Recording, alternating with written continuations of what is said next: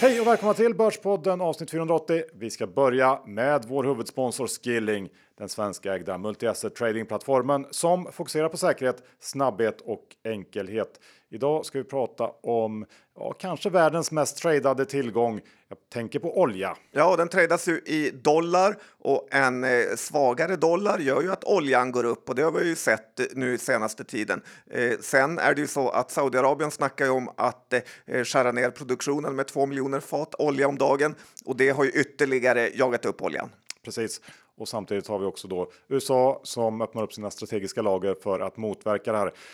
Vad man än tror så händer det mycket och volatiliteten är stor just nu. Det här öppnar ju upp för tradingmöjligheter och Skilling erbjuder olje CFDR som gör att du kan gå både lång och kort beroende på din vy. Eh, och här kommer det att röra på sig så att vi tycker att man ska eh, vara aktiv på oljemarknaden. Eh, har man inte öppnat ett konto med Skilling så är det enkelt John. Ja, det är väldigt enkelt. Det är bara att gå in på Skillings hemsida eller ladda ner appen. Precis, och sen eh, är man igång med ett bank-id och har man eh, någon fråga så har de ju en svensk kundtjänst som är fantastisk måste vi säga. Men kom ihåg att 80% av retailkunder förlorar pengar när de har CFDR så besök skilling.com för fullständig ansvarsfri skrivning. Och med det John så säger vi ett stort tack till Skilling. John, idag blir det ett litet specialavsnitt och vi har ju träffat en av de mer folkkära profilerna i Finanssverige måste man säga. Ja, det var väldigt kul att han tog sig tid från sitt eh, hektiska schema och hälsa på Börspodden och prata lite historier om världen och personer han har träffat som har gjort intryck på honom. Ja, och vem pratar vi om? Ja, det är såklart the one and only Gabriel Mellqvist. Ja, då eh, vi kör igång helt enkelt. Jag lämnar ordet till honom som man säger. Ja. Gabriel Mellqvist, eh, Sveriges största finansankare, mest känd från DI-TV. Välkommen till Börspodden. Tack så mycket. Jag håller inte med om beskrivningen, men jag är glad att vara här. Men du är lite ankare. Vi har ju fått eh, vara glada att få se dig nästan varje morgon nu i TV. Eh, Johan har ju, är ju stort fan, eller hur? Ja, men jag älskar ju eh, framförallt nu under rapportperioden när ni kör liksom live, eh, live kommenterar rapporter under morgonen. Det är riktigt bra tycker jag. Det är faktiskt det vi gör allra, allra bäst och mest unikt skulle jag säga. Det är kort, det kondenserat, man slipper lyssna på långa calls. Långa calls kan ju vara lite sövande tycker mm. jag själv. Så det är roligt att få många snabba fem minuters intervjuer. Och lite älskar man kanske mest när Anders Hägerstrand är med och live kommenterar Volvo. Han har en otrolig passion för Volvo. Eh, jag håller med, vi har aldrig hittat en gäst som går att jämföra sig med honom. Han är eh, rolig att följa. Ja. Men nu ska vi prata lite om dig här idag. Du är ju ändå något eh, jag och Johan har fått följa under många år här. Vi är väl ungefär lika gamla. Hur gammal är du? Jag vet inte, men någonstans mellan spannet är 42 till 45. Okay. Eh, jag vill också beklaga, ni kommer bli väldigt besvikna. Jag har ju till skillnad från Anders Hägerstrand nästan inga starka åsikter. Jag frågar andra, det är mitt jobb. Ja, det är bra som eh, journalist. Du är från Falun med, tycker jag man hör med min eh, dialektöra. Mm, stämmer. Eh, jag vill också berätta att du tidigare beskrev Falun som Falund med det efteråt, vilket jag tycker att du ska ta avstånd från. Ja, det har jag faktiskt fått en del eh, hat för att jag råkar säga så. Men vad, Falun, vad har vi på Falund? Vi har Mördarbacken. Falun. vi har Falugruva. Jag är uppvuxen i Falugruva, eller strax bredvid Falugruva kan man säga. Sen har vi Mördarbacken, vi har fem milen, var det 1993 eller 95 någon gång som, som vi minns med värme. Ja, när Torgny Mogren vann. Sverige hade katastrof-VM eh, på hemmaplan. Det var otroligt förnedrande. Norge vann allt och det var kört. Tills Torgny Mogren eh, klev fram. Han har väl livnärt sig hela livet i princip på just det loppet. Vi gör anspråk på Jussi Björling också, fast han egentligen kom från Borlänge. Mm, ja, och Selma Lagerlöf. Ja, ni har väl Mattias eh, Flink också, eller? Det har vi faktiskt. Jag minns, jag, jag minns eh, skotten den natten. Det var en skakande upplevelse i en liten start förstås. Ja, det är tragiskt. Och sen eh, Kallur-gänget med. Känner tyvärr inte, men heja dem. Vi Precis. träffar ju Pimpim då och då i Sall. Kan vara väl ihop med en av systrarna Kallur. Jag kan väldigt lite om sport. Ja, men han är fast, inte från Falun. Fast jag hejar på Falun i bandy, om laget finns kvar. Det är jag osäker på. Okej. Okay. Ja, men kan du inte berätta lite mer om dig? Din karriär, du var ju nyhetskorre för dig i New York under många år. Jag och Johan träffade dig när vi var i Omaha 2015 på eh, var det 50-årsjubileet eller vad var det? Det var det. Mm. Det var fantastiskt. Eh, Warren Buffetts, framförallt pressrummet som inte ni fick se, var ju det bästa pressrum som jag någonsin har sett på en bolagstilldragelse eftersom de hade en äggkock och eh, stora tv-skärmar så man kunde äta hur mycket ägg man ville, omeletter, scrambles och samtidigt njuta av den här dynamiska duon. Men var det liksom inne på den här stadion? Ja, det var liksom uppe i så du kunde sitta där uppe. Det Varför, var, varför fick inte vi gå på sånt John? Nej, det var nog VIP-rummet. Men jag kommer ihåg ändå att det vi var, det var träffades in, kvällen innan innan var på någon stort. Det grill. ingen, ingen visste att poddar var liksom något att räkna med på den tiden. Nej, men lite så. För vi träffade på den här grillen eh, kvällen innan med Per H hade med sig eh, Sverigegänget och då satt du redan och käkade där med någon annan. Och du var lite divig då. Det kändes som att du var större, eh, betydligt större än mig och Johan och det var du väl. Eh, Men du visade också, vilket jag ändå tagit åt mig åt ganska länge. Ja, men det, jag tror inte det. Jag har många dåliga egenskaper, men jag är inte så divig faktiskt. Jag, har, jag, har ganska, jag drivs av ett dåligt självförtroende och är ödmjuk. Däremot är jag tankspridd, så ibland känner jag inte igen folk. Jag tror att jag ligger på Gabriels linje här. Att det här kan vara någonting som John... Nej, men jag kände Liksom- direkt att du tittar lite snett eh, på oss.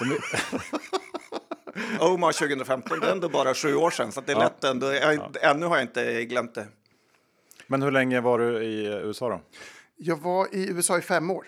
Ja. Jag bodde i London innan, eh, ett halvår, min första utlandspostering och sen fick jag köra fem år i USA. Vilket är väldigt roligt. För det, Men är för, ganska det är väl lite så här den man helst vill ha eller som... eh, Det finns inte så många korrespondenter längre, Nej. tyvärr. När jag, var, när jag var liten så hade de personer i Australien, i Japan, överallt. Och sen har de saxats ner. I varje ekonomisk nedgång så försvinner en korrespondentstationering. Och nu finns det ju bara USA kvar som är liksom fullbetald. Ja, men jag tänker att det måste varit eh, liksom lite konkurrens om det där jobbet. Men det bygger ju mycket på... Det har skett ett skifte bland korrespondenter. Förut var det ju 50-60-plussarna för lång och trogen tjänst, de riktigt seniora. Det har, det har gått i många tidningar mot mer 25-åringar som kan jobba 25 timmar om dygnet för 25 000 kronor i månaden.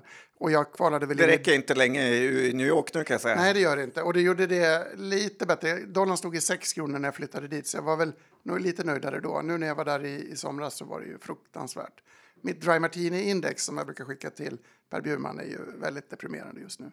Men det är Frida Wallnor eller Valnor som är det nu, eller? Nej, hon var, eh, hon var tidigare väldigt politiskt inriktad. Nu är det Felicia Åkerman som skriver mycket om makroekonomi. Men du är kompis med Per Bjurman, det är du ganska stolt med, eller hur? Ja, det är jag väldigt stolt över. För jag frågade dig om tips när jag skulle till New York om att eh, jag kunde få något tips på någon komediklubb och då sa du att du skulle eh, kolla lite med din kompis Per Bjurman. Eh, och sen återkom du aldrig. Jag satt svar- och väntade jättelänge på det sms, men det var ingen som brydde sig om lilla John när han Vi- skulle göra New York. Nej, och han bryr sig inte om lilla jag när jag frågar honom om komediklubbar heller. Utan det här är ju någonting jag säger till folk. Men han är från Borlänge, eller hur? Mm. Så att det är lite så här Dalarna-anda, eller? Ni har. Ja, det är väl snarare en rivalitet och en ganska bitter fejd skulle jag säga. Oj då. Mm, Falun-Borlänge, det är som West Side Story. Romeo och Julia. Tagna på sängen av det. För Men- Brommapojkarna vann ju här nyligen mot Brage. Ja, det gjorde Ja, vi. man hejar på, det finns inte bättre, och är man från Falun så hejar man ändå på Brage. Fast det finns ändå en stark rivalitet mellan städerna. Fråga mig inte varför. Men Vad är det? Domnaresvallen om jag kommer ihåg rätt. Ja. Alla matcher Umeå FC har spelat mot dem. Kleber Sarenpää. jag vet inte vad ni pratar om. Nej, du gillar sport mindre än vad vi gör. Men, men saknar du eh, USA då? Eller bo, bo utomlands? Ja, det gör jag. Eh, Men jag, jag fick ett litet barn i New York och dels var det väldigt dyrt. Förlossningen kostade 70 000. Förskolan kostade väl 20 000 i månaden vill jag minnas. Tog det i det, den räkningen? Det är en av mina bästa historier. Förlossningen tog jag själv. Föräldraledigheten fick vi finansiera själva. Men när det var dags för dagis så skrev jag ett mejl till min chef. eh, Lotta Edling var chefredaktör då. Och hon svarade på vändande mejl. Jag frågade kan arbetsgivaren tänka sig att ta den här kostnaden. Självklart betalade i dagis. Och sen 24 timmar senare kom det ett mejl. Du, vad kostar förskola på Manhattan? Och trodde egentligen? det var högkostnadsskyddet i Sverige, 900. Ja, vi hittade ett billigt dagis för 1950 i månaden tror jag. Det var det fulaste som fanns. Och eh, de tog aldrig ut barnen, de låste in dem i ett mörkt rum. Ja. Det var som när min brorsa bodde i London så eh, gick de hos en dagmamma så till slut kunde barnet bara prata indiska typ. Men det är härligt med New York. Det är många som kör med eh, lite romantiska bilder av språk så att de har en japansk nanny och så sätter de ungarna i ett flamländskt dagis för att få liksom maximal lingvistisk utveckling. Och det fungerar ju inte alls. Amerikaner är ju tämligen dåliga på språk. Ja, så är det verkligen. Ja, men bra, då har vi fått lite New York. Har du något New York-tips då bara innan vi lämnar det? Ja, sitta på en bänk och titta på folk som går förbi. Och dricka en Bloody Mary på St. Regis-hotellet som, har, som uppfann Bloody Mary och har en väldigt vacker målning. Och så börjar man alltid prata med någon bankir eller med någon högre mellanchef som har druckit lite för mycket. Ja, det, det gör vi nästa gång vi åker dit. Grogg-expressen vill jag nämna också. Eh, det är första klass kupé när man åker mellan New York, Washington eller Boston. Den är väldigt dyr men du får fri sprit och då får du också groggande mellanchefer. Särskilt om du åker vid sjutiden från Washington till New York. Fri sprit, folk som pendlar. Då får du höra mycket bra stories. Nu, amerikaner är ju annars eh, generellt ganska dåliga på att dricka kan jag tycka. Jag tycker de är otroligt duktiga på att dricka. Okay, ja. Jag hade välja justeringsproblem i början i USA eftersom man dricker så mycket blanksprit. Amerikaner dricker ju ofta sprit genom hela middagen också. De kan ju köra groggar istället för, istället för vin eller öl. Och bygger upp en otrolig tolerans som man själv saknade trots att det är från Dalarna. Okej, okay. ja, lite när man går och promenerar i New York så det finns ju inga pubbar riktigt, så här uteserveringar som det är fullt av i andra städer, utan det är bara coffeeshops och smoothies och andra nyttigheter. Mm, jag får dricka på pendeltåget. Men den här, du har ju någon slags speciell stil. Mm. Eh, plockar upp den där? Eller är det någonting? Ja, liksom, det gjorde jag. jag. Det började i London. Alltså klädstilen började i London med att jag handlade kav kavajer på rea och på loppis. Och så blev det brittiskt. Sen tog den någon slags New England-turn. Eh, min, min fru kommer från Connecticut också, så jag har varit där mycket. Och börjat ta på mig så broderade byxor och lite så här lustiga gammalgubbe-grejer. Och, och, och, sen har jag tittat väldigt, väldigt mycket på Bloomberg TV och inspirerats av Tom Keen bland annat och de amerikanska liksom, börs-tv-profilerna. Så det är, din, det är liksom dina förebilder i både, både arbetet och stilen? Ja, fast med någon slags nedtur. Det går ju inte att vara så där amerikansk i svensk tv. Jag skulle få sparken direkt där man stod och skrek börsen är upp 0,3 procent. De, de, är ju väldigt upphetsade över väldigt lite på ett sätt som inte riktigt passar. Så en, en väldigt urvattnad version av det där. Du har ju också blivit ganska känd på Twitter och i Finanssverige över din mustasch. Vart kom den grejen ifrån egentligen? Ja, det, håret växer ju organiskt, precis som aktier, väldigt ja. långsamt. Och sen så går det försvinner Det behöver du inte säga till mig Johan, det växer inte alls där. Så. försvinner väldigt snabbt. Jag hade helskägg. Eh, jag tror att det var sommar, eller om jag, det var pandemi. Det var pandemi så växte skägget och sen så var det någon som Sten och Larsen tror jag sa på Twitter, den här danska ekonomen, att, att du skulle raka skägget vid 20 korrektion. Och det tyckte jag var kul. Så mm. gjorde jag det, så kom det ju en korrektion, gudskelov. Så fick jag raka av mig skägget. Min dotter blev förkrossad, kände inte igen mig längre, tvingade mig att behålla mustaschen. Och så var det någon på aktieansvar som sa 25% på mustaschen. Och så blev det en grej. Och sen, nu skulle jag säga att mustaschen är större än jag. Jag tror att intresset har falnat sen mustaschen försvann. Mm. Okay. Men inga planer att ta tillbaka skägget, mustaschen? Jo, men jag är, jag är orolig för att det ska bli för mycket performancekonst. Så att jag tänker att jag ska vänta lite och försöka behålla någon slags seriositet. Jag, jag, jag funderar, eftersom jag har en tendens att falla in i det larviga så tänker jag mycket på att, att seriositeten måste, måste finnas där också. Ja, men bra, då kan vi väl gå in på det här när det ändå är Börspodden vi eh, snackar om. Och eh, kan du inte berätta lite vad, hur det är att vara intervjuare på DTV? Vad du liksom ser hos personerna som kommer? Om du, eh, vilken är den absolut största framgångsfaktorn skulle du säga av en person, vd? Att vara... Oh, vilken svår fråga. Framgångsfaktorn för en person? Att, för, att, att, kunna, att kunna förmedla någon slags entusiasm jag tror att en bra vd ska gå en liknande balansgång som jag nämnde nyss. Att man ska inte vara, inte vara pajas, men du ska vara en slags obotlig entreprenör som Kaplan i storskogen kan vara, som bara sprudlar energi. Samtidigt som du inte får ses som för lekfull av en ganska torr marknad. Så du ska ha en tämd energikanon, eh, kanske som en dansande björn i Ryssland. Någon som har en liksom urkraft men också disciplinen att formulera sig lite torrt. Men har Kaplan-killen verkligen det? Nej, På bilderna han, känns han ju väldigt eh, tråkig. Nej, han är inte alls tråkig. Jag skulle säga att hans problem är att han är lite för ivrig och lite för energisk. Jag tycker det är svårt att recensera en person som man egentligen beundrar och tycker om. Men eh, marknaden kan ju vara rätt trist det finns ett problem att seriositet och tråkiga eh, pressmeddelande förskrivna repeterade fraser är det som funkar i alla läger och att börs blir tråkigare och tråkigare. Och det gör ju mitt jobb tråkigare och tråkigare också som intervjuar dem. Så därför är jag glad när folk är väldigt genuina. New Wave-Torsten är väl ett exempel på en väldigt liksom stark personlighet som, som börsen gillar. Han har varit med så länge så honom ifrågasätter ingen. Jag tror att andra starka karaktärer lätt blir ifrågasatta för att de vågar vara sig själva, vilket är beklagligt. Vad säger du om Ilja då? De... Ja, men ett exempel på samma sak. Väldigt annorlunda, väldigt driven entreprenör. Väldigt inspirerande tycker jag. Väldigt ifrågasatt också och, och misstänkliggjord. Både Kaplan och Ilja så tycker, känner jag ju stark beundran och tycker också att det finns goda grunder att vara skeptisk. Jag, jag, när jag inte ligger och tänker på om jag själv är för mycket clown så ligger jag och tänker på hur man ska tänka på de här eh, stora entreprenörerna på börsen. Man kan inte, eh, idag släpper ju eh, Ola Rolén sin sista rapport som vd för Hexagon. Kan inte han vara ett exempel på en som har liksom bemästrat det där? Jo, han är lite mer tillbakadragen. Eh, han är ju inte lika Nej. bjussig, men vi har byggt upp ett enormt track record. Och verkligen, det är väl ett, en av våra största stjärnor. Men känns det inte lite som ni media eh, suger ur den där eh, energin ur många? Ola Rolén var ju eh, mer positiv förut tills han hamnade på första sidan hela tiden om insideraffären. Mm. Eh, Erik Selin vägrar eh, vara med i DTV längre. Ja, men eh, så är det ju. Och många blir liksom kränkta av att ni attackerar dem för att de just är lite bjussiga. Ja, via Play sist, sist i, i, i dem. Jag tänkte på det att det var lite så här eh, you, can't handle the truth-läge i Viaplay här. Vad heter den filmen? Heder och samvete. Att eh, han det brast fullständigt för Viaplay-veden. A few good men heter den, va? Nej. Mm, ja, men det är olika språk, eller hur? Så, så är det ofta. Ja, men det där är ju väldigt... Dels så s- sågar vi själva i media av eh, i den gren vi sitter på när vi är taskiga. Jag sitter här och tycker att folk ska vara mer bjussiga och sen så är ju risken att vi sågar dem när de är för bjussiga eller för frisläppta eller vågar, vågar tala fritt. Men det är som är bra med eh, grenar och som det sa med hår, det växer ut, det kommer ju nya hela tiden. Mm. och- Som är redo att bjussa. Och, Men och, måste man inte kunna ta lite grann då? Ja, men det, det är väl avvägningen. Man måste kunna ta lite. Vi funderar, något vi också funderar mycket på är ju tonen i våra intervjuer. Om man ska gå, gå på folk för hårt.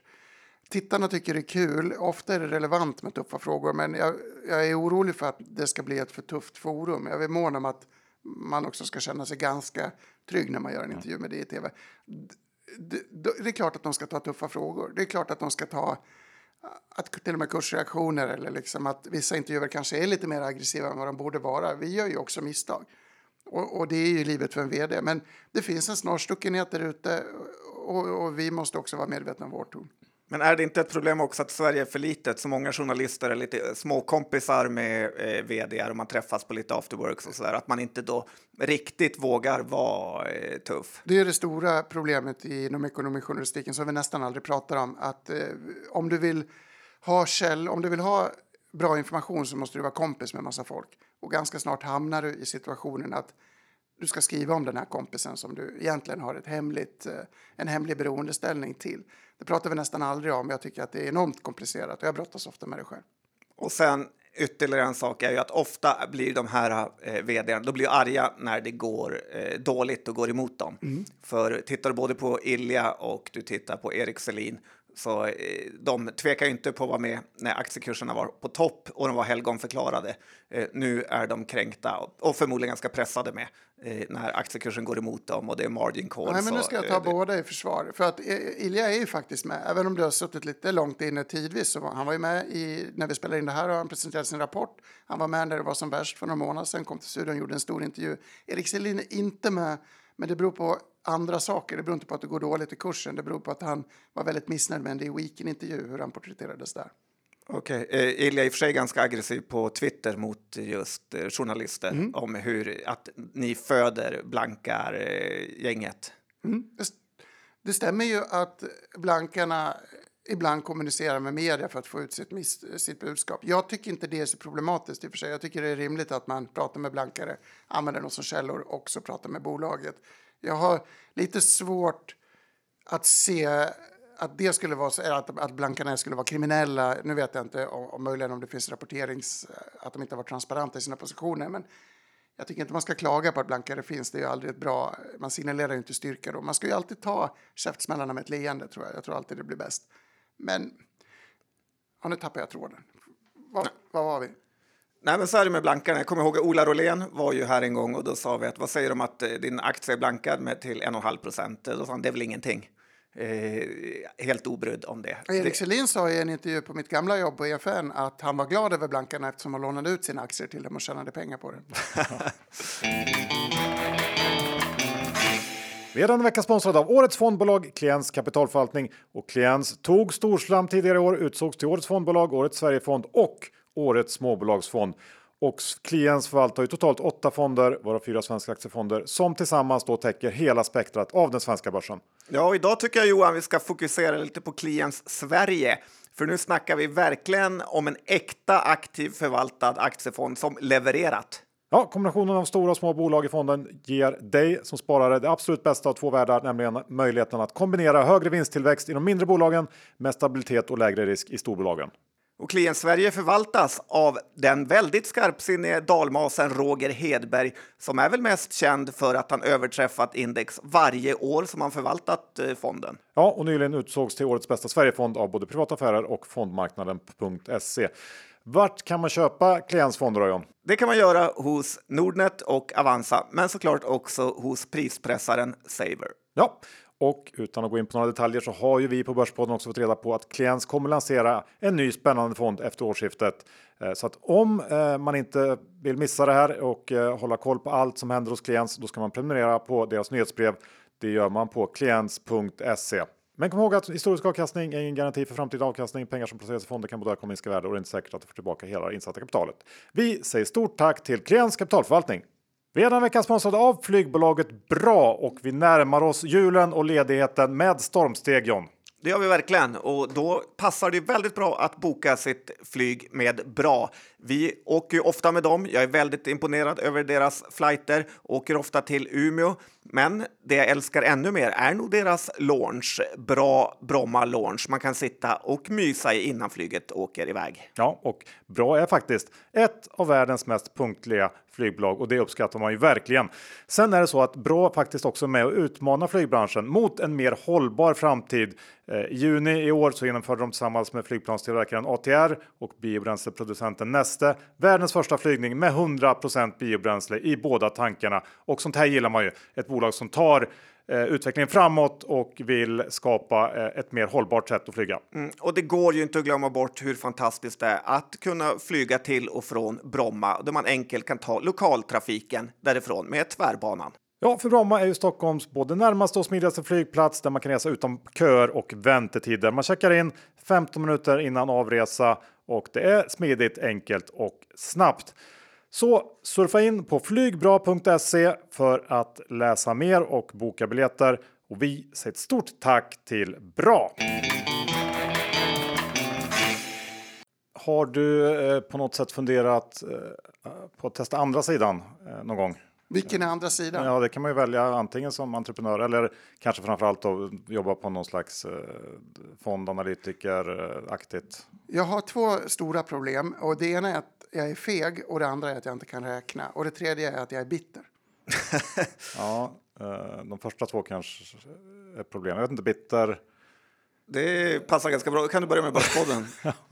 ja, men jag tror att många av de här människorna som man träffar, de inspirerande entreprenörerna, är ju enorma optimister. De ser Sant. inte problem och de har en konstig förmåga att liksom gå vidare trots att det, att, att det smäller runt dem. Jag har inte en sån läggning. Jag är ganska arbetsam och så, men jag ser alltid det värsta scenariot framför mig och det passar väldigt dåligt när man ska göra investeringar eftersom man missar åratal av börsuppgångar som man alltid tror att börsen ska gå ner. Men det är ganska bra som journalist så jag tror att jag är på rätt ställe. Jag får leva i fattigdom och armod men jag kommer ha ganska roligt på jobbet och jag känner att jag kan göra ett hyggligt bra jobb. Men du har inte haft någon sån här idé som man själv kan ha när man är utomlands, att man tänker den här skulle vi ta hem till eh, Sverige? Eh, typ eh, du som varit ute och alltså dyk, bott i andra en, läder. En tropisk dykbar där man kan byta böcker. Ja, ja, men eller så här tidigt tyckte jag att man var, man var utomlands och tänkte man smoothiebarer kanske kan vara något. Det borde vi prova i Sverige och det har kommit eh, hit. Eh, sen har man inte orkat göra något eh, av det själv, men det, Sverige ligger ofta inte i framkant. Nej, det jag saknar är paketleveranser till dörren. Men nu finns det så många entreprenörer som håller på med det där. Men jag tycker ändå alltid att mina paket kommer till kiosken runt hörnet, vilket är otroligt frustrerande. Vem vet, Urbit och Lage kanske satsar på eh, inte bara London utan även här hemma. Eh, men ska vi inte prata lite också riktiga marknaden? Mm. Är din vy där? Du sa att du var negativ. Jag är född negativ och börjar... Och utvecklades. Ja, men jag var negativ innan det var coolt. Nu är alla negativa. Före Dr. Bass. Ja, men nej, Ara, Ara Mustafa på, på EFN brukade, som nu är på Nordnet brukade jag alltid reta mig för att jag 17, 18, 19 jobbade där under tre år av fantastisk börsuppgång och jag låg helt likvid. Mm. Eh, vilket var fruktansvärt dåligt. Eh, men nu tror jag att vi börjar se en ganska jobbig svacka. När vi spelar in det här har ju rapporterna kommit in 50-50. Många är fortfarande väldigt starka, men jag tycker det börjar vända ner på rätt mycket. Jag är särskilt orolig för Apple som kommer efter vi spelar in det här och innan, vi, innan det sänds. Att, att amerikansk tech verkligen ska vika ner och att det ska spä på eh, nedgången mer.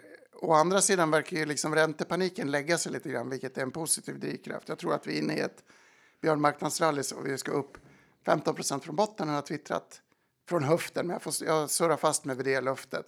Och sen kommer vikande vinster i bolagen att, att skapa en andra sköljning som blir lite jobbigare. Ja, jag håller med om det. Men, men märker du någon skillnad nu då, eftersom du träffar så extremt många bolag och vdar.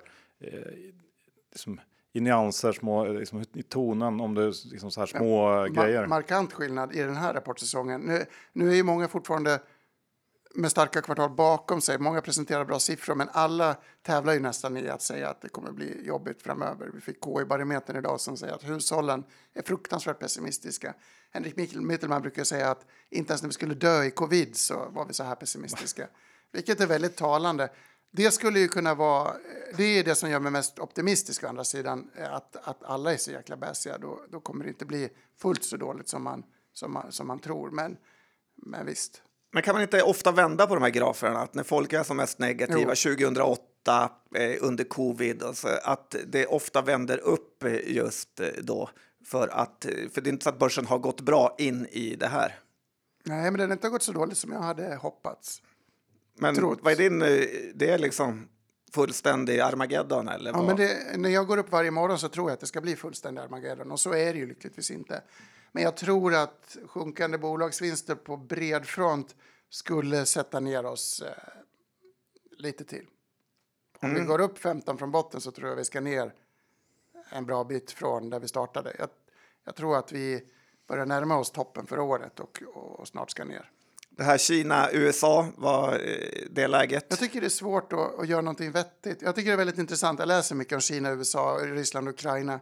Jag tycker det är väldigt svårt att veta vad jag ska göra med det i börssammanhang. Det är så abstrakta. Det är så binärt också, mycket av det. Att om det smäller rejält, vad, vad ska man tänka då? Jag tror att det är klokare att läsa om det akademiskt men ändå göra sin marknadsanalys lite oberoende av kärnvapenkrigsscenariet.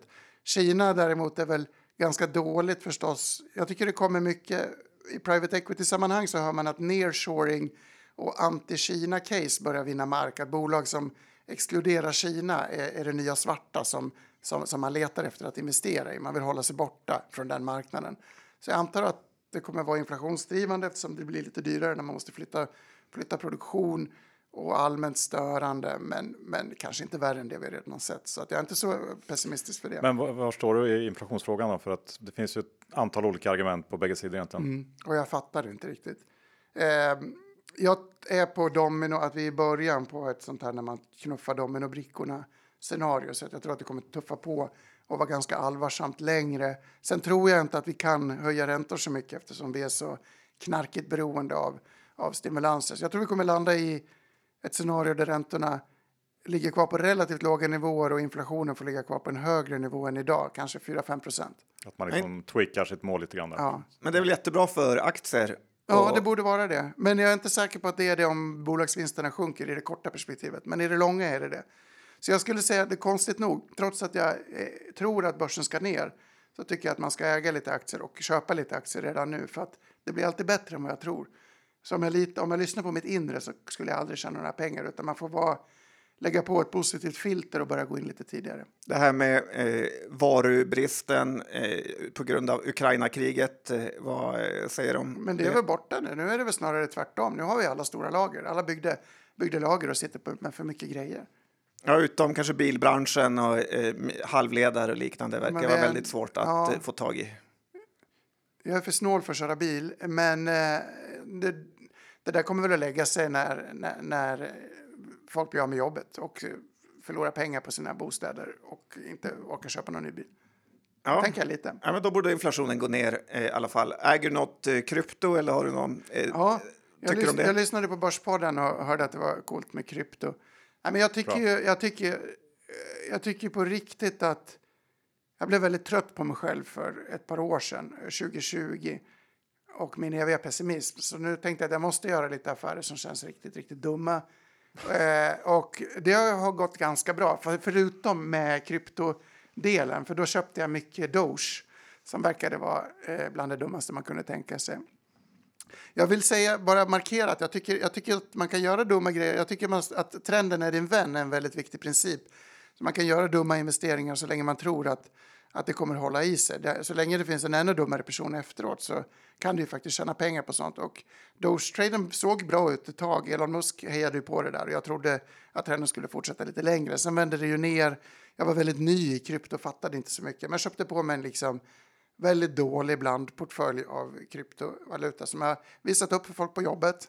Jag tror jag satsade 120 000 kronor, vilket tyvärr är mycket pengar för mig. Och eh, nu vågar jag inte logga in längre, för det kan vara värt mer än några hundralappar. Det har gått helt åt pipan.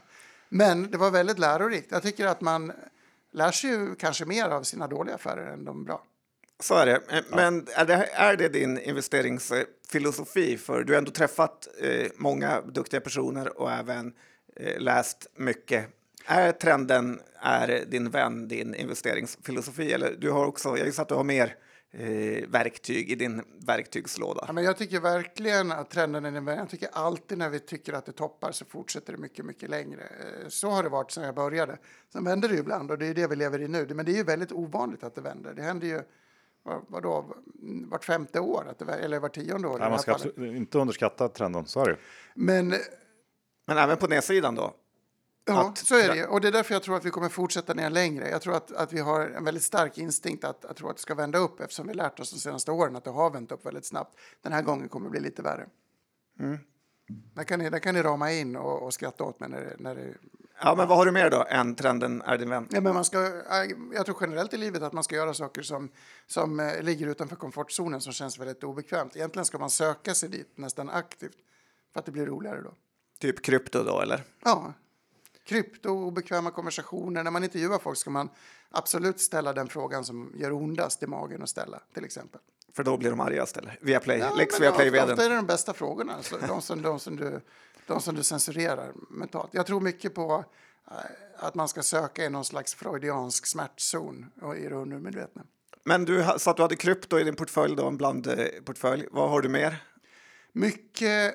Eh, jag vill inte köpa svenska aktier eftersom jag skriver om dem som journalist och det skapar intressekonflikter så har jag bestämt mig för att köpa mer norskt och danskt som jag ändå kan läsa li lite om och vara någorlunda med i matchen i men inte rimligtvis kan ha någon kurspåverkan. Jag ville köpa Clas Olsson för något år sedan. Det var ju bra att jag inte gjorde det. Men, men då slog det mig, tänk om någon ringer och ger mig liksom ett fläskigt tips på en negativ story om det bolaget. Så att jag skippade svenska, köpte en hel del norsk olja när det var som värst 2020. Sen så har jag inte velat vara så aktiv eftersom jag är ganska tankspridd och glömmer bort att liksom logga in på portföljen. Eh, köpt eh, försäkring, lite norsk försäkring. Storebrand köpte DNB eh, i tron om att räntehöjningar skulle gynna bankerna. Det har inte gått så bra och nu börjar jag tro att bankerna snarare kommer tappa på lågkonjunkturen, på räntehöjningar. Jag låter det ligga kvar. Sen har jag lite amerikanska roliga aktier. Jag skulle vilja äga mer amerikansk snabbmat. Jag äger Wendys. Skulle vilja äga Cheesecake Factory och lite andra. Mest för att det är roligt faktiskt. Och jag tycker det, det kanske är banalt, men jag tycker att det kan vara, jag tycker aktier kan vara väldigt roligt. För att man kan göra lite enklare analyser, stoppa in lite pengar, hänga med en stund och se hur det är. Och se det mer... Jag kommer nog inte att bli rik på det här, men för mig är det en kunskapsresa. Och den kunskapsresan är mycket starkare om man har slängt in i alla fall en 10 000 för att hänga med. Ja, vad heter den här gröna hamburgerkedjan som var så hypad ett tag? Ja, Beyond Meat tänker du på? Eh, nej, men den som alla skulle äta på. Som... Inte Shake Shack eller? Jo, exakt. Ja, Shake du äger inget där? Nej, tyvärr inte. Men jag älskar ju Shake Shack. Jag äter ju väldigt mycket där. Jag äter väldigt mycket hamburgare. Hamburgare är ju huvudrätten semla. Men äter väldigt mycket där det är när du är utomlands? Då, Ja, det gör jag. Jag äter kopiösa, kopiösa mängder hamburgare. Men ingen McDonalds eller eh, Burger King? Nej, jag tycker svenska McDonalds smakar ju ganska bra. Den är mycket sunkigare i USA. Både Burger King och McDonalds är väldigt trista i, i Amerika. Där finns det så goda hamburgare också. Nej, så är det ju. Men det är kul, det finns ju väldigt mycket sådana bolag att investera i i USA och tyvärr nästan ingenting i Sverige va? Jag tycker om det gäller- starksprit också, ska jag säga. Jag äger lite Diageo, skulle vilja ha en Det är Jack Daniels portfölj. dem, eller? Ja, det är väl... nej, Nu minns jag inte vilket som är vilka, men det är ett välskött stor, Mm. stort bolag. Carlsberg går ju dåligt nu i konsumtion och inflationstider, men generellt så tycker, ty, tänker jag mig på en, några sådana bolag skulle jag vilja ha i en, en lång, långsiktig portfölj. Men det här med semlorna, vad är det för något egentligen? Vi har, ser det varje år. Ja, det är att du- samma, samma som mustaschen. Någon på, jag, jag åt en semla, någon på Twitter tyckte det var roligt och sen kunde jag inte sluta. finns inga semmelbolag. Kanske Pågen går det att köpa. Det finns en kinesisk, Ara hittade en kinesisk gästtillverkare någon gång. Eh, och sen kanske det finns någon vetemjöl måste finnas i kontinentaleuropa. Men du, lite så du letar case då, att du gillar att köpa saker du eh, gillar. Gillar öl, sprit eh, och eh, hamburgare. Ja, och så gillar jag ju gruvdrift eftersom jag är från Falun. Så att jag skulle ju vilja äga, jag skulle vilja köpa lite Atlas och lite Epiroc. Jag hoppas att den typen av kvalitetsbolag. Det här är ju väldigt tråkigt. Man kan inte komma till Borgsborden och säga att man vill äga Atlas Copco. Men jag skulle vilja köpa mera Maersk, mera Atlas, eh, Novo Nordisk. De här tråkiga kvalitetsbolagen tror jag man kan plocka upp från och med nu och kommande året i ett månadssparande och sen bara äga hela livet. In, inget eh, Lovisa-gruvan. Nej, det törs jag inte. Små gruvor tycker jag är lite för läskigt. Men å andra sidan, om man inte hade en kryptoportfölj som gick åt pipan så skulle man kunna ha en liten gruvportfölj som gick åt pipan. Absolut. Men jag, det är viktigt det här med personlig karisma. Jag har lyssnat på en del gruvbolagspresentationer och varje gång jag hör en vd för en gruva berätta så vill jag ju plöja ner alla mina pengar där. För att varje gång känns det som att man har hittat liksom nyckeln till Verkligen. rikedom. Ja, vi har väl haft Dannemora, vi har haft Northland, många gruvor som har eldat upp alla investerares eh, pengar. Så att det är väl en otroligt bra väg att gå om man vill eh, förinta pengar. Men det är en bra, en andra tumregel skulle jag säga, att man ska inte, man ska njuta av eh, människors starka entreprenörers karisma, men man ska inte investera på den. Eh, Oskar Ekman på Penser sa till mig att han helst inte träffar börsbolags vd för man blir så medryckt och smittad, smittad av deras entusiasm. Och sen gör man dåliga investeringsbeslut. Det är bättre att räkna på kammaren. För att i slutändan så är Ja, visst är, visst är vdns drivkraft en viktig faktor, men jag tror att man lätt blir invaggad i någon slags falsk berusning och, och, och gör bort sig. Ja, men då hade väl eh, Per Johansson också på Bodenholm, där, eller gamla Bodenholm, eh, hans strategi att man inte träffar eh, bolagsledningen när man har frågor för att man blir alltid lurad att inte korta för de har så många bra svar på eh, frågor att det är väldigt lätt att bli övertalad att man ska, ändå ett man ska aldrig case. träffa eh, biotechbolag. Nej, biotechbolag är det värsta. En liten del av en 100 miljarders kaka ska de ta och eh, det gör de ju aldrig. Men de är ju som gruvor för att de tuggar ju också otroligt mycket pengar i processen dit. Samtidigt så hoppas man ju. Ja, men då är det bättre med hamburgare som eh, inte är så dyrt att ta fram. Ja, det är tråkigare, men det är en bra... Det är ju en bra jag tror ju i det här, apropå konjunktur, så tror jag i det här läget att man ska äga både Willys och kaviarbutiken. Man ska inte äga Axfood för att den är för dyr, men du ska äga inte mellansegmentet utan lågprissegmentet och det dyra. Jag tror att du skulle kunna ha du skulle kunna försvara en Wendys och en LVMH i en portfölj i tron om att konsumenter kommer att fortsätta äta på billiga alternativ och de som har det bra kommer att ynna sig lyx och eh, våga köpa dyrt. Jag tycker till exempel att Lyko som kom med en fantastisk rapport eh, hade ett väldigt intressant resonemang om konjunkturen att man kostar på sig en lite dyrare hudkräm för 250 spänn fast det är lågkonjunktur. Det gör inget om den kostar 250 istället för 220. Det är en ganska obetydlig summa men du gynnar dig någon slags lyxkänsla. Och så är han, eh, entreprenören själv är ju medryckande och han är från Dalarna. Så att eh, det tickar alla boxar. Och lagerarbetare brukar Ja. vi ofta prata om på LinkedIn. Också en grej som kan störa en oändligt eh, mycket. Johan, vad kör du för hudkrämer? Är du störd av att han gör, för- gör, drar för stort, eh, stora växlar på sitt lagerarbetarkonto? Eller? Nej, men att han skriver det på LinkedIn, att han inte är vd utan att det står att han är lagerarbetare på Lyko. Och så har han grundat hela firman. Ja. Du är inte kränkt av det eller?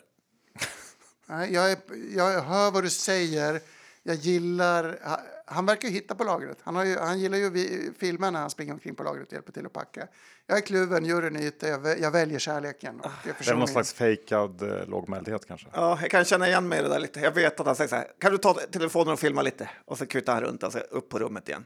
Och eh, har det bra. Men har du någon mer sån där från rapportperioden? Du, liknande insikt som den med Lyko? Ja, men med samma, ett bolag som jag vill, vill hoppas på och är glad att jag inte har köpt det är Dometic som man tycker har härliga produkter och en härlig vd. Senaste rapporten var ju rätt kul. Jag tror man ska köpa de där... Jag, tror det ligger, jag sa ju nyss att man ska köpa, följa trenden. Jag tror också man ska göra tvärtom och köpa det som alla avskyr. I alla fall om man är lite långsiktig. Då kan man väl plocka upp ett Thul eller ett Dometic nu när det är som mest hatat. Ja, det är otrolig skuldsättning dock i Dometic som kan göra en lite Ja, orolig absolut. stort lager. Men du har, du har, du har komplex investeringsfilosofi. Nej, Följa har- trenden och köpa det som är hatat eh, kombinerat med men- undvika ja, men det- eh, charmiga vdr och även lite krypto eh, plus gruva. Alltså, både fascineras av och akta sig för charmiga vd. Jag, jag ser mig själv som en... Min största insats som investerare tror jag är det avskräckande exemplet istället för det goda föredömet. Jag har ju ingen bra strategi. Jag tycker allt är kul. Vad är den värsta affären du gjort? Att stå utanför börsen i princip hela tiden sedan finanskrisen. Brände du dig på finanskrisen? Eller Nej, egentligen bara... inte. Jag började ju med... Jag började 2006 som journalist. Men jag tog väldigt stort intryck av finanskrisen. Jag blev liksom, 2007 hade jag precis kommit in i matchen som ekonomijournalist.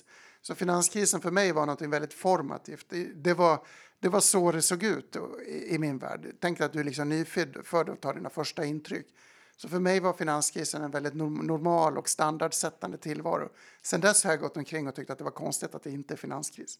Ja, lite så känner jag, både jag och Johan, tror jag. Ja, jag att tror man eh, eh, tro, var liksom fascinerad över att eh, världen fungerade, att bilarna gick när man Mm. gick ut från kontoret och börsen hade gått ner 10 procent och allt. Det kändes som att hela jorden skulle gå under. Ja, men jag är förvånad varje gång solen går upp.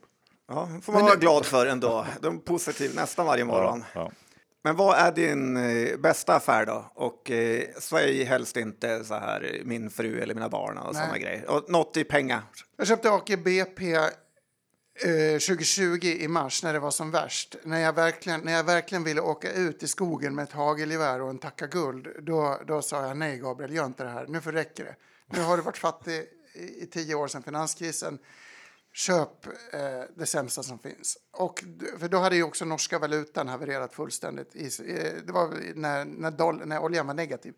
Så då så tog jag ett djupt andetag och köpte AKBP som jag knappt visste vad det var. Jag visste det var ett av de stora oljebolagen. Sen åt jag lunch med några förvaltare. De skrattade ut mig och sa att du kan inte köpa bolag om du inte vet vad de gör.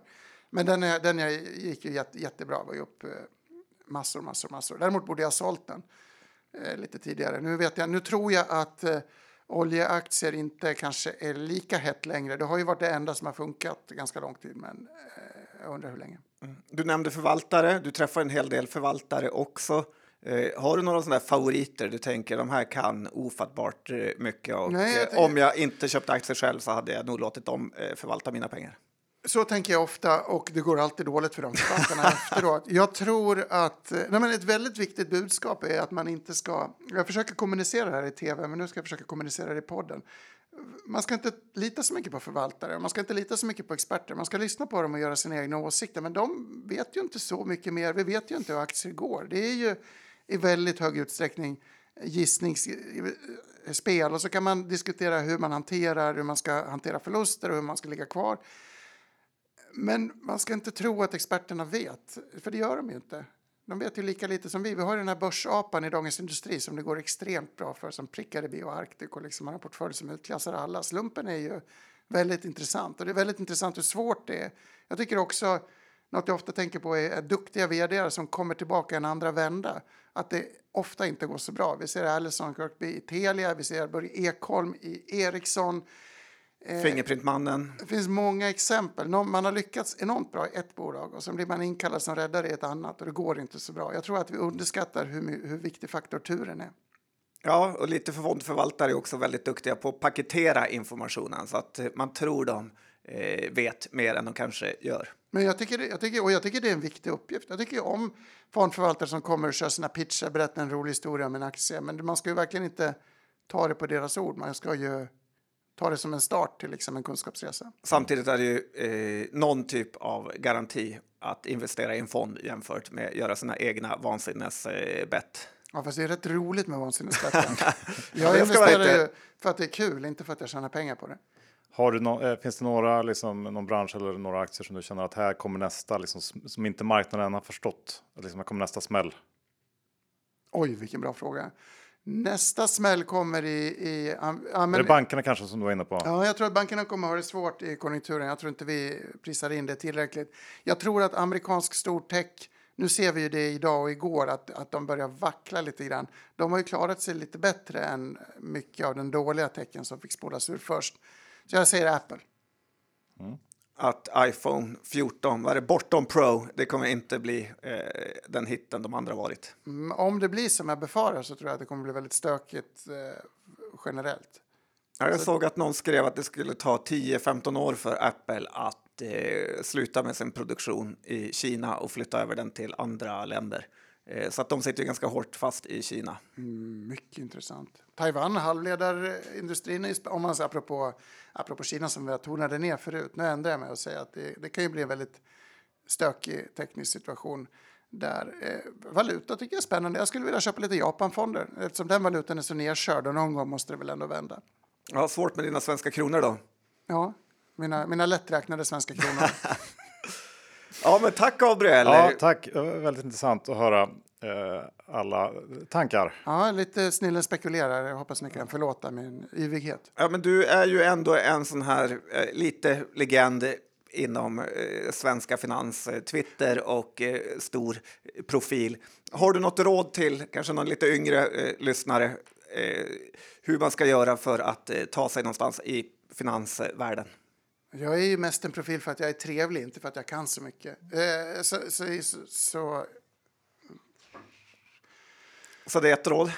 Ja, att vara trevlig, att vara trevlig är väl ett jättebra råd, men jag tror väldigt mycket på att man ska göra bort sig, att man ska våga göra bort sig och inte tro att man kan så mycket. Man ska inte lita på experter, utan man ska våga göra egna misstag. Man ska, man ska verkligen... Man kanske inte behöver lära sig allt om en aktie heller. Köp den och sen gör en förlust och lär dig på vägen istället. Det är mitt stora råd. Våga vara dig själv. Våga vara dum. Ja. Ja. Bra där, där har jag lyckats bra. Mm. Grattis. Samma här. Tack Gabriel för att du tog dig tid och kom till oss. Tack för bullarna. Slut på avsnitt 480. Vi säger ett stort tack igen till vår huvudsponsor Skilling. Eh, surfa in på hemsidan eller ladda ner appen och kom igång. Det är enkelt. BankID är det som behövs och de har en kundtjänst som är fantastisk. De har villkor måste vi säga som är också fantastiska. Tajta, tajta spreadar och låga, låga avgifter, precis som det ska vara. Ja, det är därför de är mest populära med. Precis, men kom ihåg 80% av retailkunder förlorar pengar när de handlar CFDR. Så besök skilling.com för fullständig ansvarsfri skrivning. Bra, eh, nu är det inga innehav att prata om idag tror jag, utan vi bara lämnar det eh, så här rent och fint. Ja, man kanske ska säga tack till Gabriel också att han eh, var med i Börspodden. Verkligen, ett stort, stort tack till Gabriel. Eh, bra, då fortsätter vi så här. Eh, hörs om en vecka igen. Ha det bra så länge. Hej då! Ha det väldigt bra. Hej då!